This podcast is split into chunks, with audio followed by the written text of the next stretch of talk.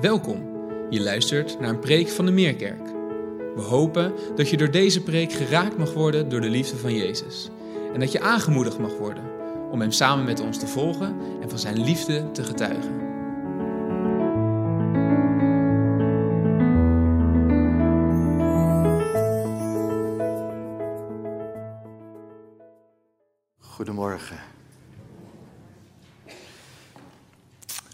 Vandaag, en ik zeg het ook even in de camera, goedemorgen. Vanmorgen vieren we het heilige avondmaal. Het is al gezegd, het is ook aangekondigd. We hebben daar naar uitgezien. En we gaan verder met onze preekserie over de bergreden.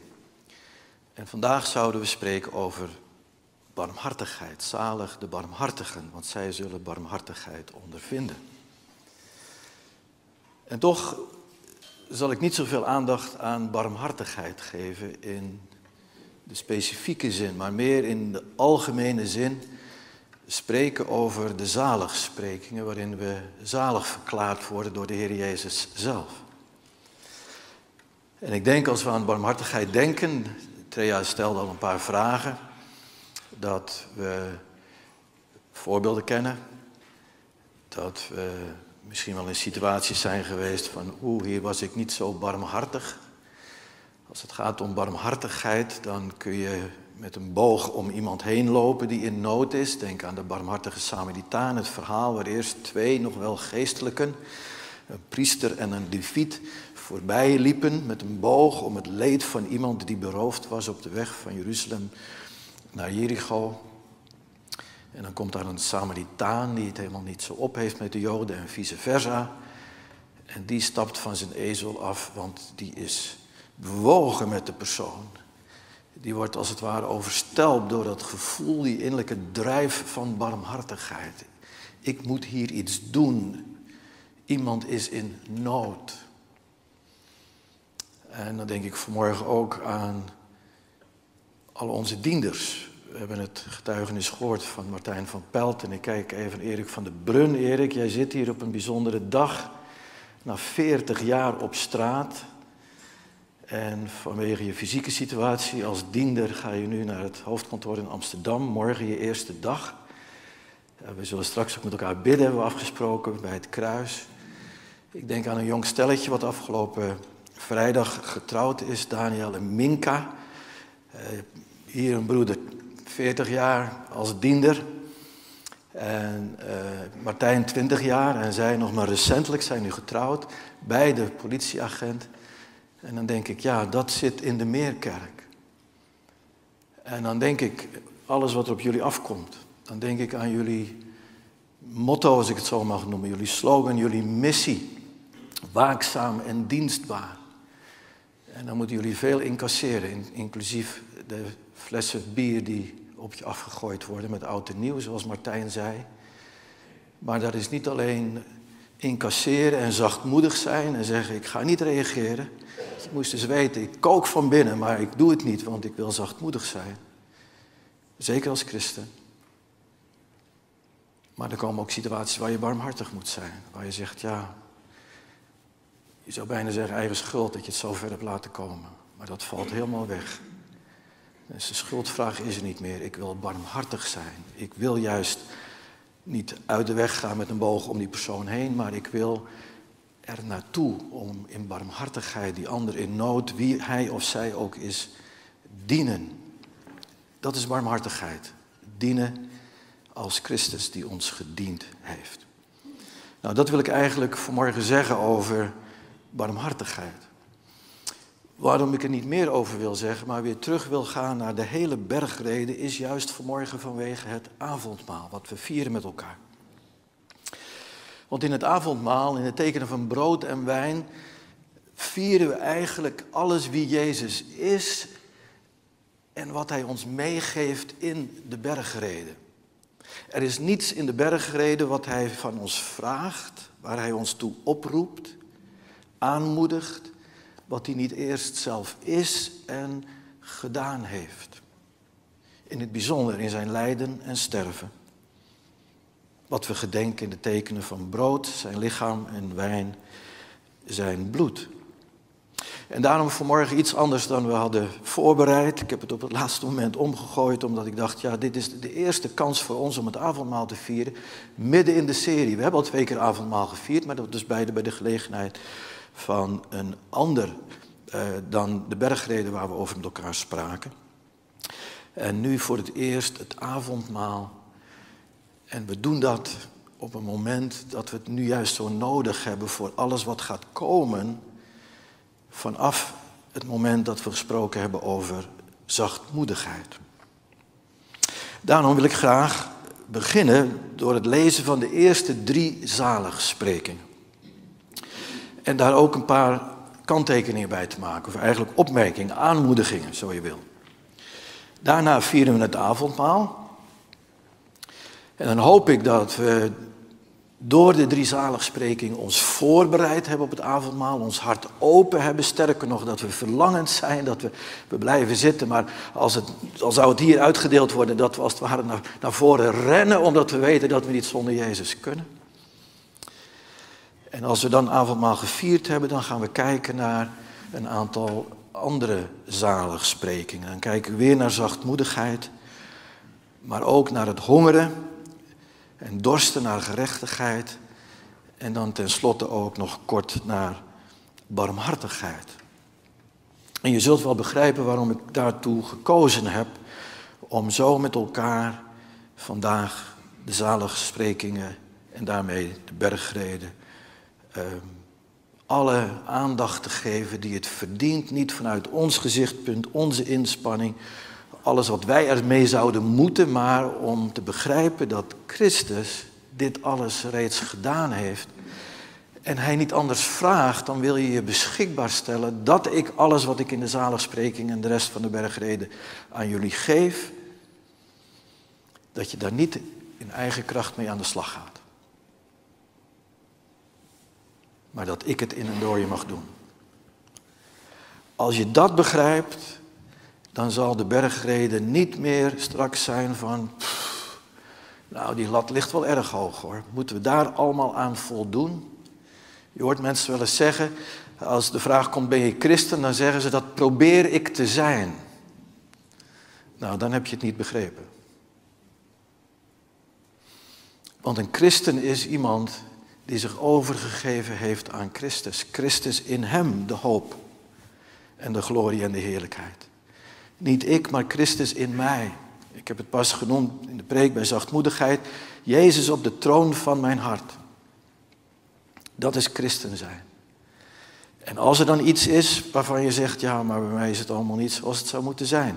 Dan is het niet omdat je probeert christen te zijn, maar omdat je het zelf probeert. Dat is het probleem. Ik probeer zelf christen te zijn. Ik probeer zelf de bergreden te leven. Ik probeer zelf barmhartig te zijn, zachtmoedig te zijn, rein van hart te zijn. En dat lukt niet. Tenminste, als we eerlijk zijn met elkaar. En dat heeft alles te maken waarom we vandaag het avondmaal vieren, omdat we eerlijk met elkaar zijn. Mag ik je meenemen? Dan beginnen we weer bij uh, Matthäus 5, het eerste vers, en dan lezen we de eerste drie zaligsprekingen. En doe je ogen dicht, luister, we projecteren het niet, maar neem de woorden tot je. Ze zijn intussen al wat meer bekend geworden.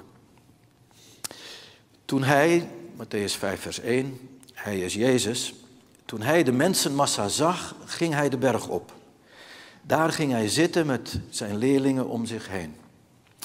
Hij nam het woord en onderrichtte hen. Gelukkig wie nederig van hart zijn. Oudere vertaling, wie arm van geest is. Dat woord zullen we ook vandaag meer gebruiken. Gelukkig wie nederig van hart zijn, wie arm van geest zijn, want voor hen is het koninkrijk van de hemel. Gelukkig de treurenden, want zij zullen getroost worden. Gelukkig de zachtmoedigen, want zij zullen de aarde bezitten. Tot zover de eerste drie zaligsprekingen. Ik wil weer terug naar de basis die we al met elkaar besproken hebben, maar die zo goed is om vanmorgen weer met elkaar als het ware te omarmen. Dat is misschien wel een van de belangrijkere lessen die we tot nu toe geleerd hebben. En die les betrekken we ook op het avondmaal. De les is deze. De zaligsprekingen zijn geen losse uitspraken die willekeurig op een rijtje zijn gezet door Matthäus.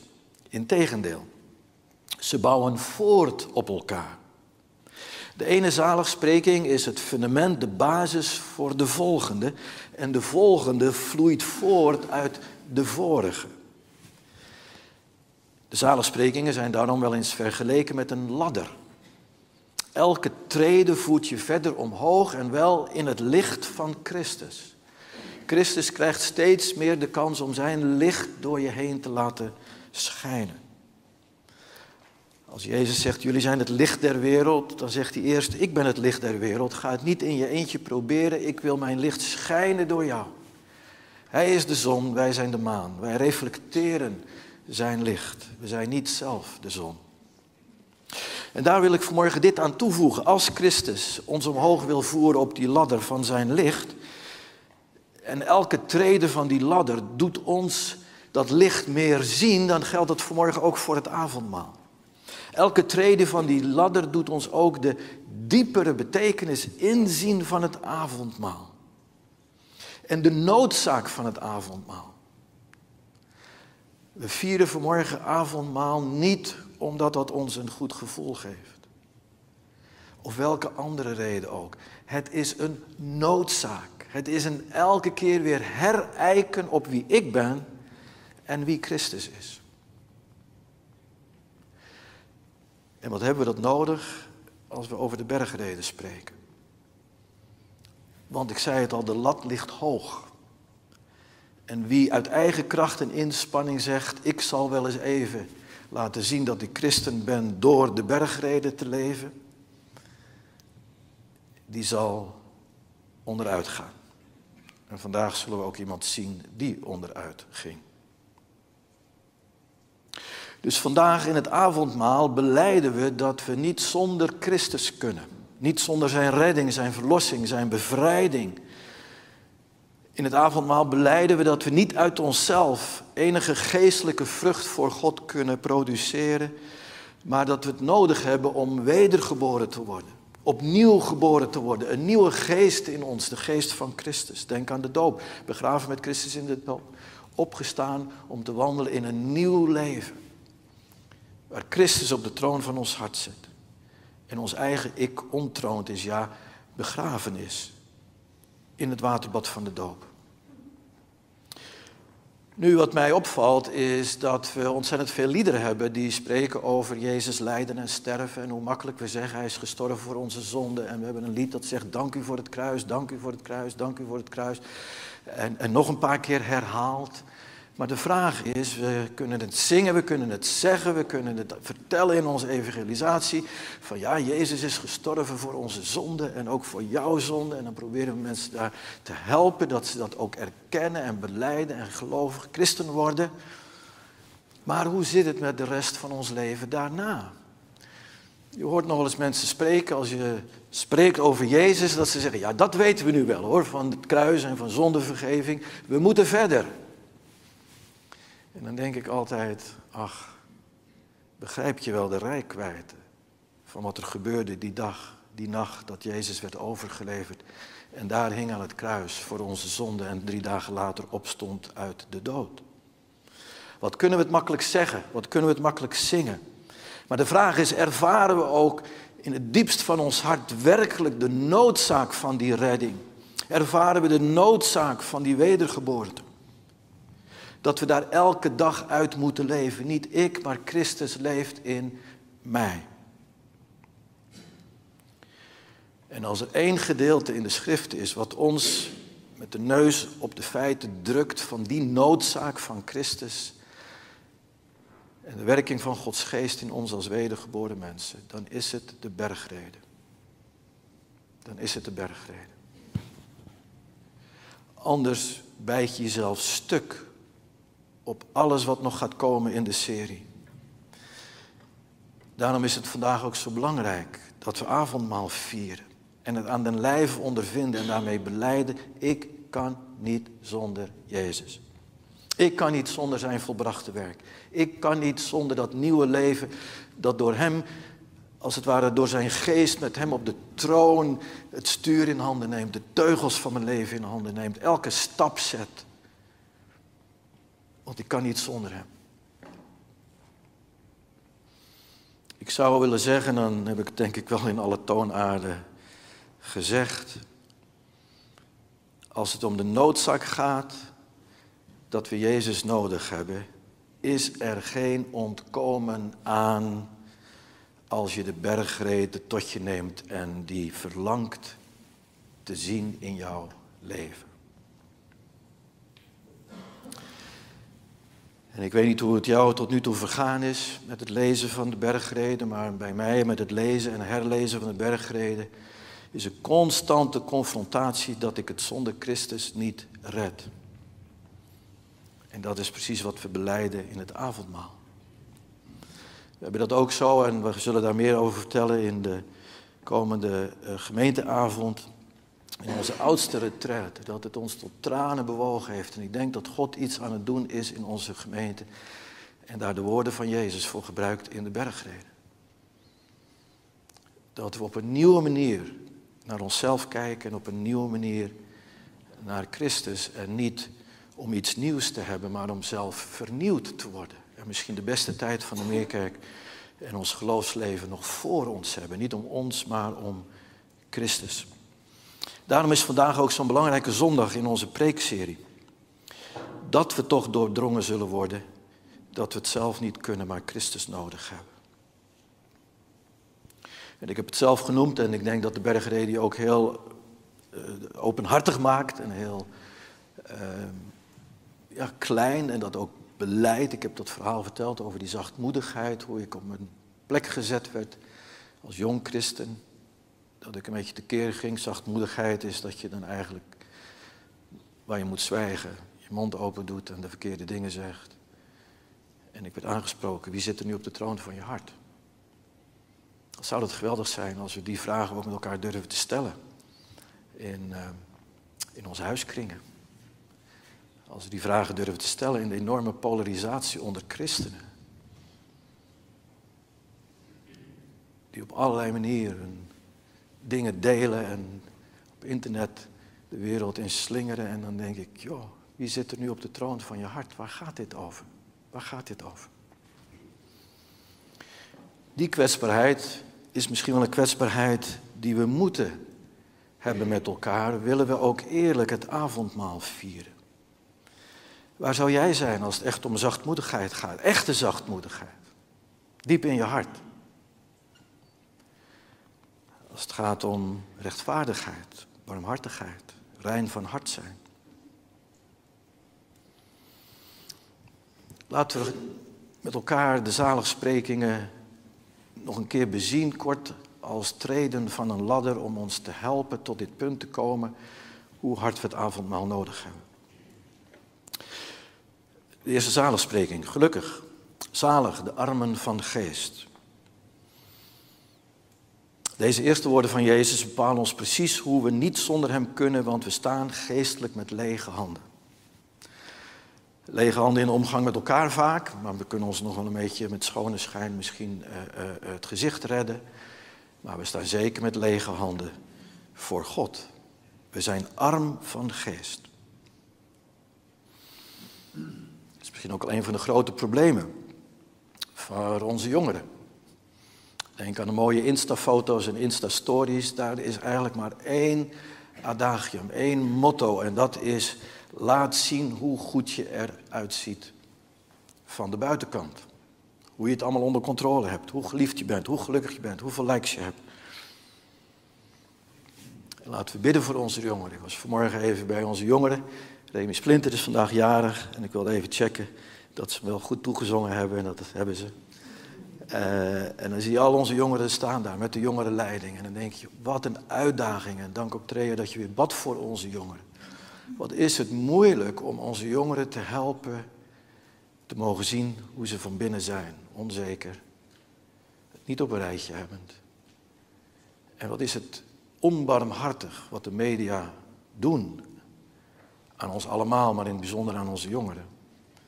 Die iets gecreëerd hebben waar je dus de schone schijn kan ophouden.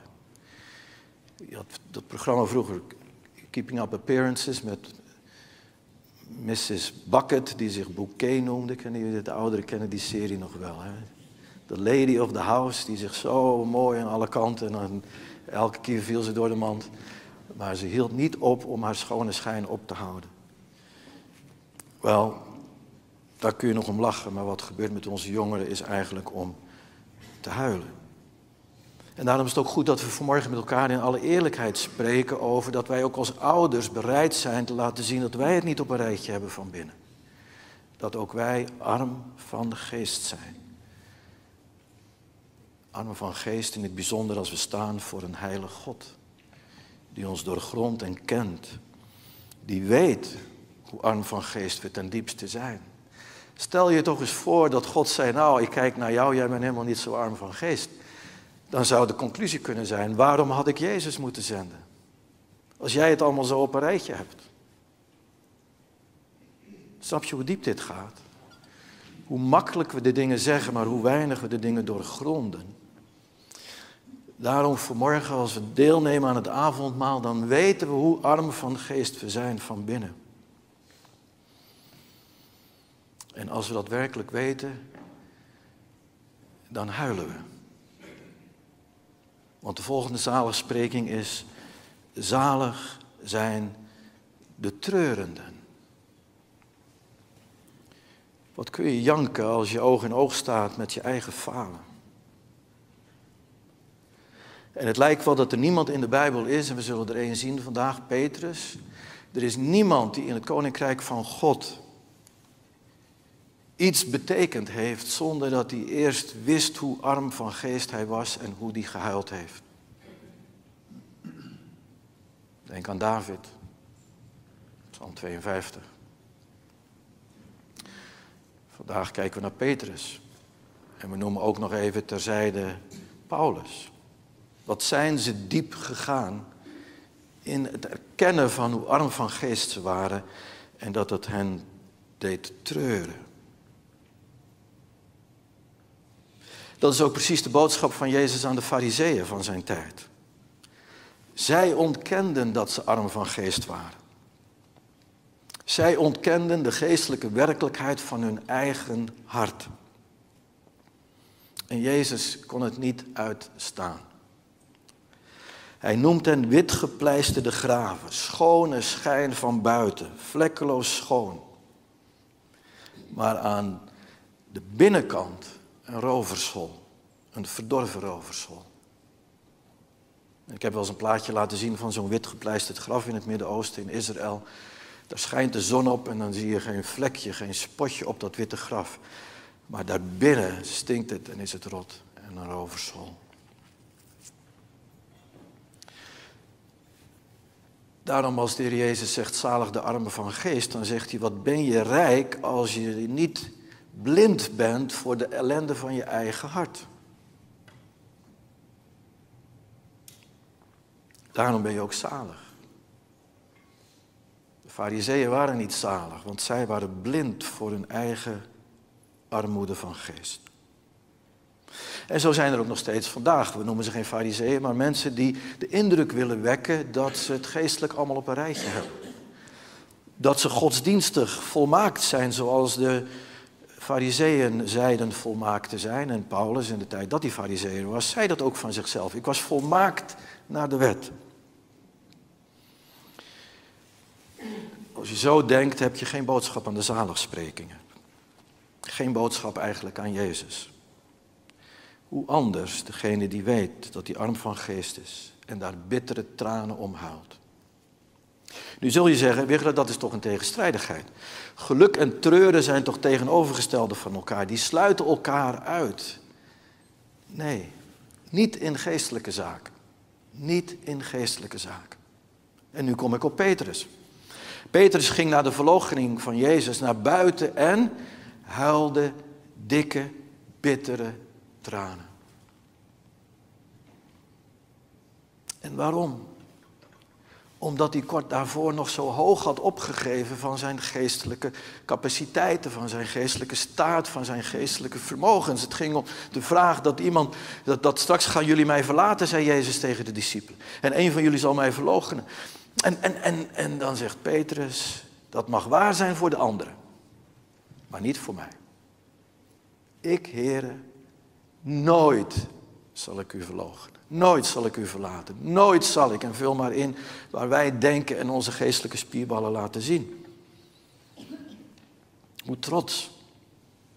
Hoe dacht hij rijk van zichzelf te zijn geestelijk. Maar hoe hoger je denkt van jezelf, hoe harder de val als je ontdekt, maar ook ik ben arm van geest. En daarom huilde Petrus bittere tranen. Wat een verdriet kun je hebben als je oog in oog voor God staat. Dat je eigenlijk geestelijk en moreel bankroet bent. Maar er is nog één ding wat nog verdrietiger is. En dat is als je in die tranen blijft hangen en steken en geen uitkomst weet. Blijft steken dus op de tweede trede van die ladder.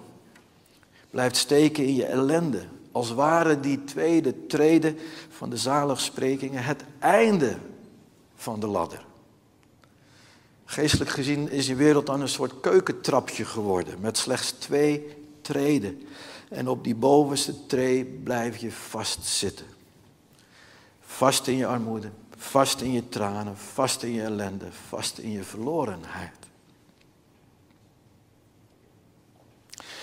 En als je daarin vastzit, kan het ook een strijd zijn om naar het avondmaal te gaan. Sommigen durven om die reden ook geen avondmaal te nemen. Ze blijven steken.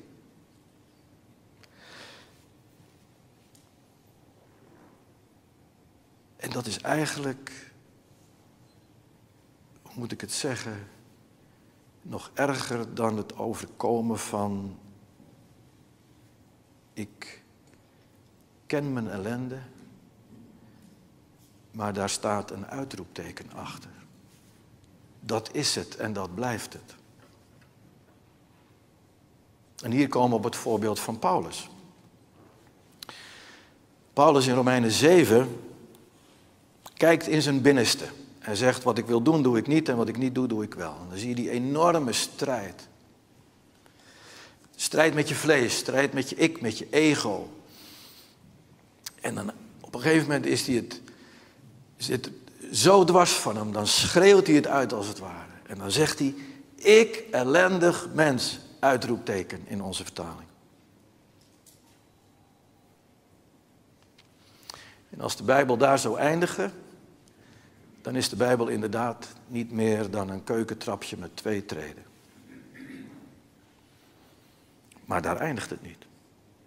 Daar eindigt Romeinen 7 niet en daar gaat zeker ook niet Romeinen 8 op verder. Want, en hier komt het, de tweede zaligspreking komt met een belofte. Gelukkig de treurenden, en dan staat er niet, want zij zullen vast blijven zitten op die treden. Nee, gelukkig de treurenden, want zij zullen getroost worden. Getroost worden. En in die belofte van troost gloort de volgende derde zaligspreking. Want Romeinen 7 eindigt niet met een uitroepteken van ik ellendig mens.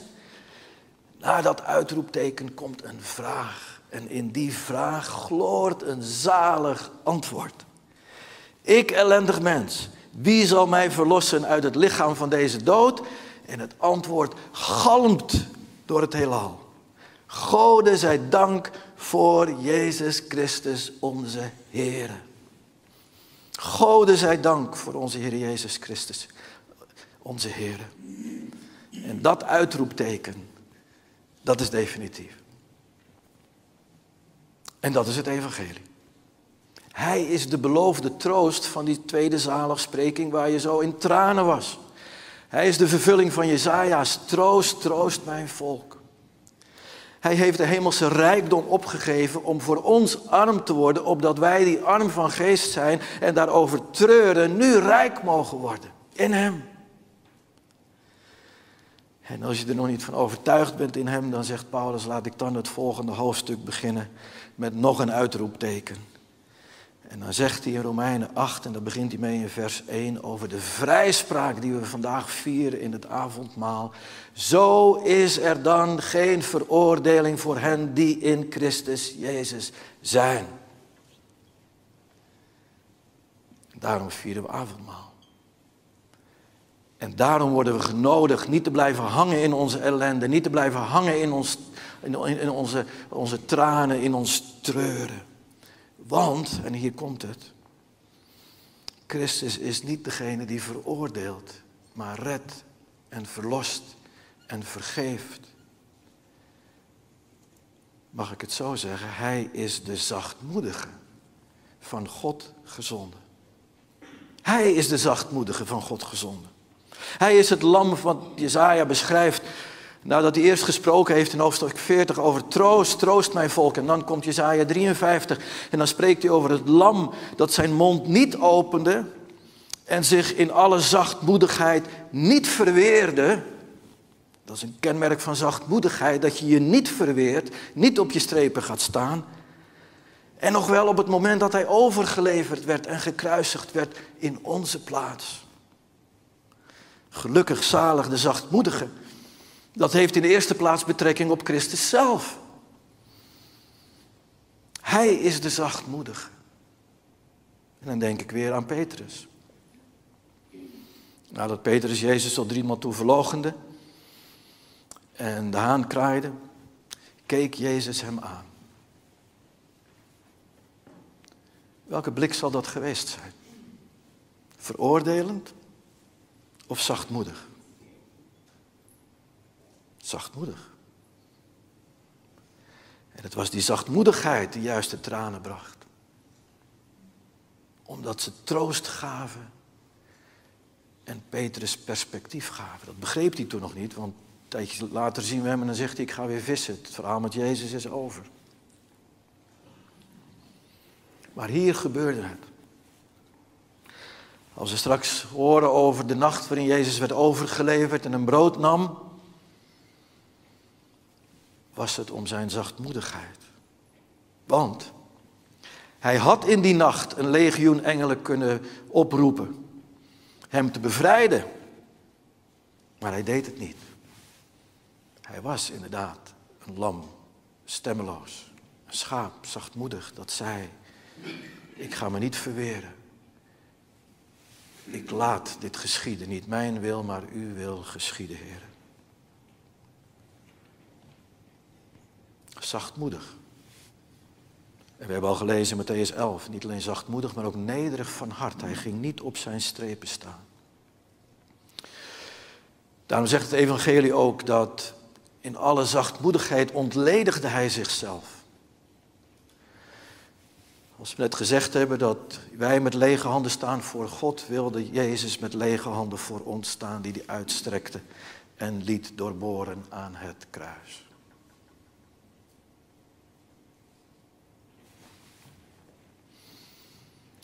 Ik had er graag bij geweest. Een van mijn favoriete plekken aan het meer van Galilea en Israël. Als ik daar ben, probeer ik het altijd te bezoeken. De plek waar Petrus in ere hersteld werd.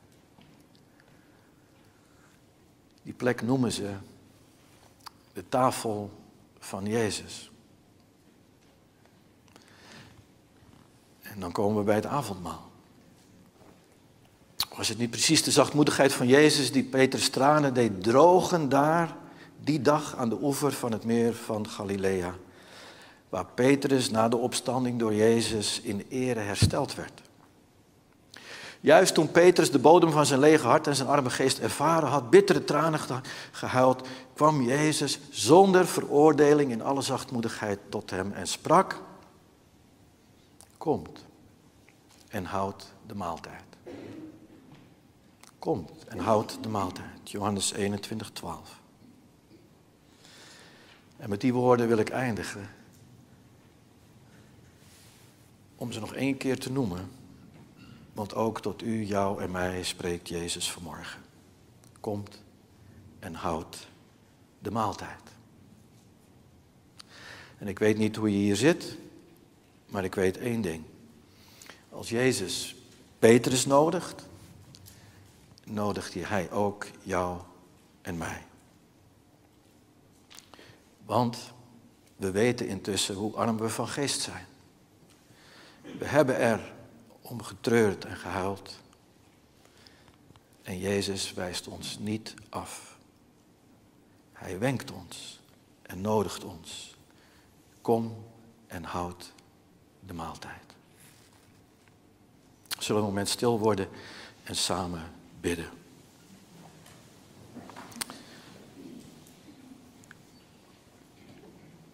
Heer, dank dat u ons kent en doorgrondt en niet afwijst. Niet veroordeelt. Maar in uw zachtmoedigheid uw handen, uw doorboorde handen uitstrekt naar ons en zegt, kom en houd maaltijd met mij en ik met jou. Daartoe ben ik gekomen. Daarom zalig de armen van geest. Daarom zalig zij die treurende. Daarom het gloren van de hoop en de troost die ik ben. Daartoe ben ik in de wereld gekomen. O Heer, mogen dat kostbare evangelie, dat kostelijke evangelie vandaag proeven op onze tong, voelen als het ware in ons binnenste. Waar we soms zo leeg kunnen zijn, zo arm kunnen zijn. Waar de tranen vloeien dat u uzelf aan ons geeft in de tekenen van brood en wijn en ons vult. Zo is er dan geen veroordeling. En daar mogen we onze eigen naam invullen. Kom, wees genodigd.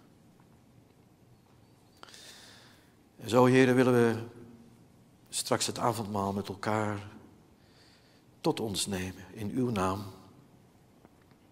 Maar eerst willen we ons hart verder voorbereiden. En zingen wat we misschien ervaren hebben al in de boodschap van vanmorgen. Zie de stroom van Jezus liefde. Overstelpend als een vloed. Toen de mensenzoon ons vrijkocht. Met zijn eigen kostbaar bloed. Wie kan zwijgen van zijn liefde? Of vergeten wat hij deed? Jezus' naam zij steeds geprezen tot in alle eeuwigheid. Zullen we gaan staan en dat als voorbereiding met elkaar zingen. Fijn dat je hebt geluisterd. Voor meer informatie ga naar www.meerkerk.nl